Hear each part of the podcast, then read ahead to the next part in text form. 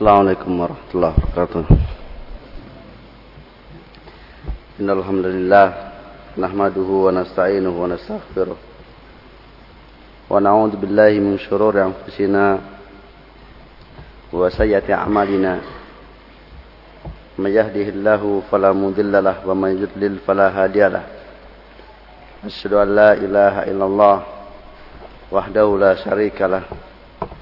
وأشهد أن محمدا عبده ورسوله يا أيها الذين آمنوا اتقوا الله حق تقاته ولا تموتن إلا وأنتم مسلمون أما بعد إخوة في الدين الله وإياكم kita lanjutkan pembahasan kita hadis Arba'in An-Nawawiyah kita masuki hadis yang ketujuh An Abi Ruqayyah Tamim ibni Asim Ad-Dari radhiyallahu an.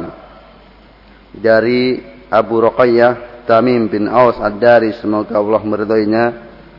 Anna Nabiya sallallahu alaihi wasallam qala bahwa Nabi sallallahu alaihi wasallam bersabda ad-dinun nasihah. Agama itu adalah nasihat qulna liman ya Rasulullah maka kami bertanya, nasihat itu untuk siapa wahai Rasulullah? Qal lillahi wa li kitabi wa li rasulihi muslimina wa ammatihim. Rahu Muslim. Beliau menjawab, nasihat itu untuk Allah, untuk kitabnya, untuk rasulnya, dan untuk imam kaum muslimin, penguasa kaum muslimin, dan awamnya kaum muslimin. Hadis riwayat Muslim. Hadis ini kedudukannya sangat penting karena mengandung seluruh agama. Itu mengandung seluruh hak Allah, hak Rasulnya, hak hambanya. Di mana kewajiban penunaian pada masing-masing hak tersebut itu terpandung pada kata nasihat.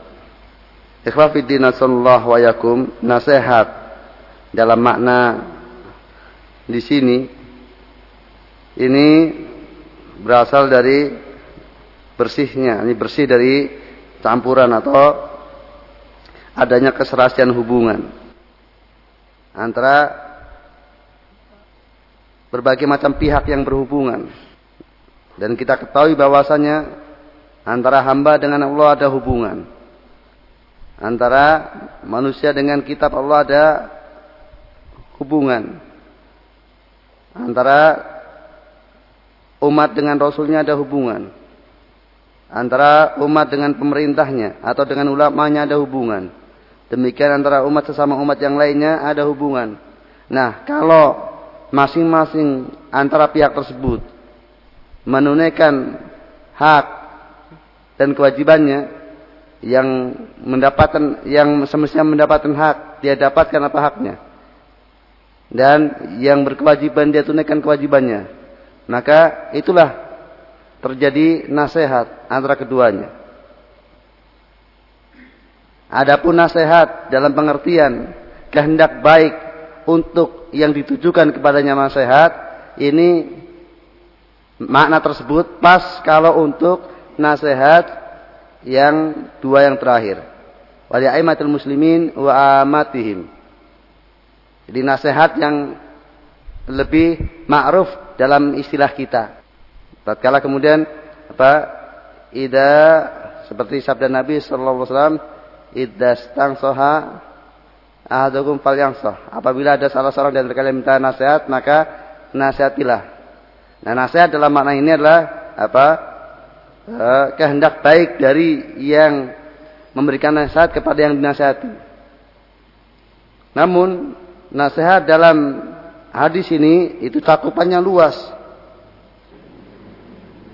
Allah Subhanahu wa taala memiliki hak bagi para hambanya ini.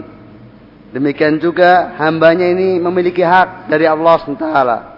Sebagaimana hadis Nabi sallallahu alaihi wasallam kepada Mu'ad, ya Mu'ad, atadri mahaqullahi alal ibad wa mahaqul ibadi Allah Wahai Mu'ad, tahukah kamu apa yang menjadi hak Allah bagi para hambanya? Menjadi hak Allah bagi hambanya berarti wajiban hamba terhadap Allah. Dan tahukah kamu apa yang menjadi hak hamba atas Allah? Artinya yang menjadi hak hamba atas Allah berarti kewajiban Allah untuk menunaikannya.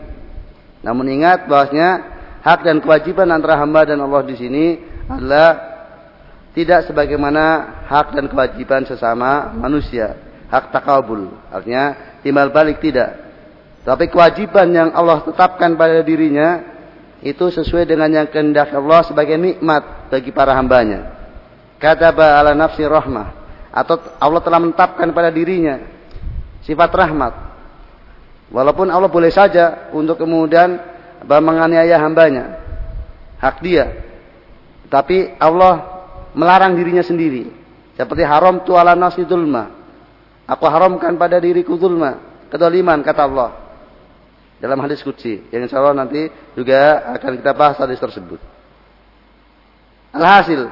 Pokoknya masing-masing di antara yang apa hidup ini ada hubungan satu dengan yang lainnya. Maka kalau kemudian kedua belah pihak itu terjadi keserasian antara keduanya, tidak tidak ada apa saling meninggalkan kewajiban dan tidak mendapatkan haknya, maka terjadilah nasihat padanya. Nah, tentunya karena itulah asli dari makna nasihat, maka penjelasannya berbeda-beda antara nasihat untuk Allah, nasihat untuk kitabnya, nasihat untuk rasulnya, nasihat untuk para imam, dan nasihat untuk awam kaum muslimin. Maka secara garis besar, bahwasanya nasihat untuk Allah adalah menunaikan hak-hak Allah seperti telah tersebut dalam pembahasan iman. Itu tentang al-imanu billah. Maka menunaikan apa yang menjadi hak Allah SWT. Jadi keimanan kepada rububiyah, keimanan keimanan kepada uluhiyah Allah dan keimanan kepada asma wa sifatnya. Kemudian melaksanakan yang menjadi konsekuensi dari keimanan tersebut, yaitu pengabdian hanya kepada Allah taala semata. Maka cukup Rasulullah dengan mengatakan hakullah alal ibadi ayak buduhu wala yushriku bihi syai'a. Hak Allah bagi para hambanya adalah untuk mereka beribadah kepadanya semata dan tidak mempersekutukannya dengan sesuatu pun. Itulah hak Allah Ta'ala. Dan bentuk pengabdian kepada Allah Ta'ala semata. Dan tidak mempersekutukannya yaitu dengan melaksanakan apa yang diperintahkan oleh Allah dan menjauhi apa yang dilarang oleh Allah, mencintai apa yang dicintai oleh Allah dan membenci apa yang dibenci oleh Allah taala dan demikian seterusnya. Wujud dari pengabdian hanya kepada Allah taala semata dan tidak mempersekutukannya. Maka barang siapa yang telah menunaikan tersebut, maka dia telah menunaikan an-nasihah lillah, nasihat untuk Allah. Adapun nasihat untuk kitabnya adalah menunaikan hak kitabnya. Pokoknya intinya nasihat kepada siapa pun lah menunaikan yang menjadi haknya. Berarti yang menjadi kewajiban dia terhadap sesuatu tersebut, kalau dia sudah tunaikan maka dia telah menegakkan nasihat kepadanya. Nasihat kepada kitabnya adalah menunaikan hak kitabnya. Itu Al-Quran. Seperti yakin bahwa Al-Quranlah kalamullah. Mukjizat terbesar di antara mukjizat-mukjizat yang pernah diberikan kepada para rasul sebagai petunjuk dan cahaya dan selain dari itu juga membenarkan beritanya dan melaksanakan hukumnya. Dan yang lainnya dari yang merupakan hak-hak kitabullah Al-Quran.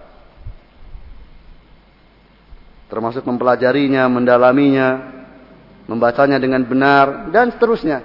Pokoknya apa yang menjadi kewajiban kita terkait dengan Al-Quran, itulah nasihat kepada Al-Quran. Kemudian nasihat untuk Rasulnya. Adalah menunaikan hak Rasulullah itu apa yang menjadi kewajiban kita kepada Rasulullah sallallahu alaihi wasallam. Seperti telah tersebut dalam makna sahada Muhammad Rasulullah. Atau makna beriman kepada Rasul yang di antaranya beriman kepada Rasulullah Muhammad sallallahu alaihi wasallam. Itu menunaikan apa yang menjadi kewajiban kita kepada terkait dengan Rasulullah.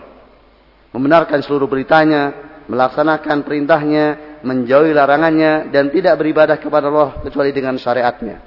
Itulah nasihat kepada Rasulullah Muhammad sallallahu alaihi wasallam. Kemudian nasihat untuk para imam. Nah, di sini nasihat untuk para imam ini bisa bermakna kehendak baik yang diinginkan atau yang ditujukan untuk para imam. Di samping makna yang lainnya.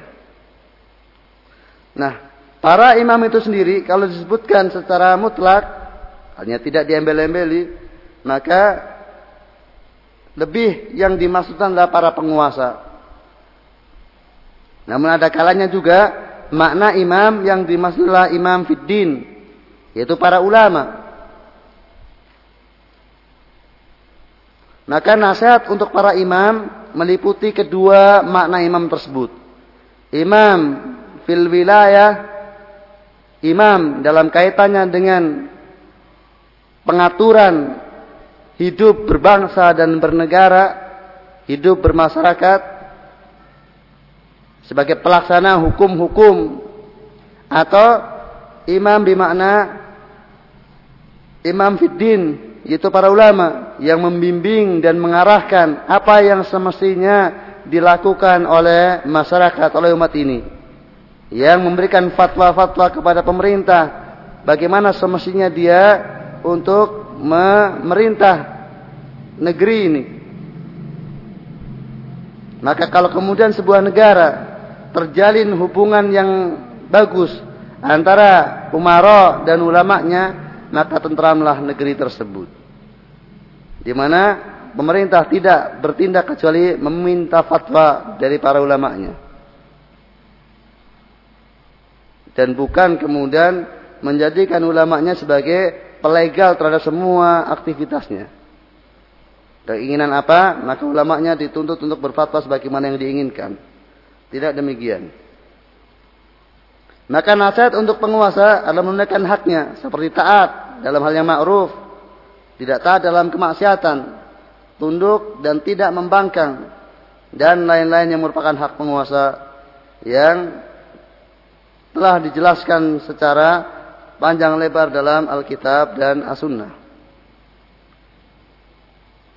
Adapun nasihat untuk para ulama adalah berupa mencintai mereka karena kebaikannya dan jasanya pada umat ini. Berkat ilmu yang telah disebarluaskan di tengah-tengah umat dan juga berkat dakwahnya, menjaga kehormatan dan kewibawaannya serta menyebarkan fatwa-fatwanya. Dengan juga termasuk makna nasihat kepada mereka adalah meluruskan, ya, menegur secara sembunyi berdua apabila mereka melakukan kesalahan dalam polisinya. Tetapi apabila mereka melakukan kesalahan secara terang-terangan di hadapan umum dan kemudian dia hadir ketika itu, maka selama tidak menimbulkan madarat yang lebih besar, dia harus menegurnya secara terang-terangan juga. Nanti akan kita dapatkan pada hadis man ra'a minkum munkaran falyughayyir biyadihi fa illam yastati fa bilisani fa illam yastati fa biqalbi. Jadi kalau kemudian penguasa tersebut melakukan kemungkaran secara terang-terangan dan kita menghadirinya maka kalau dengan pengingkaran lesan tidak menimbulkan madot yang lebih besar, sebagaimana kaidah-kaidah dalam ingkar mungkar, maka diperbolehkan. Bahkan semestinya untuk diingkari secara terang-terangan juga. Namun kalau kemudian dia melakukan kesalahan polisi, artinya kebijakan-kebijakannya tidak tepat, maka semestinya didatangi secara langsung berdua saja empat mata. Itu kalau kemudian kita punya kedudukan yang bisa didengar. Namun kalau kemudian tidak maka bisa mengambil perantara kepada orang-orang yang bisa didengar oleh penguasa tersebut.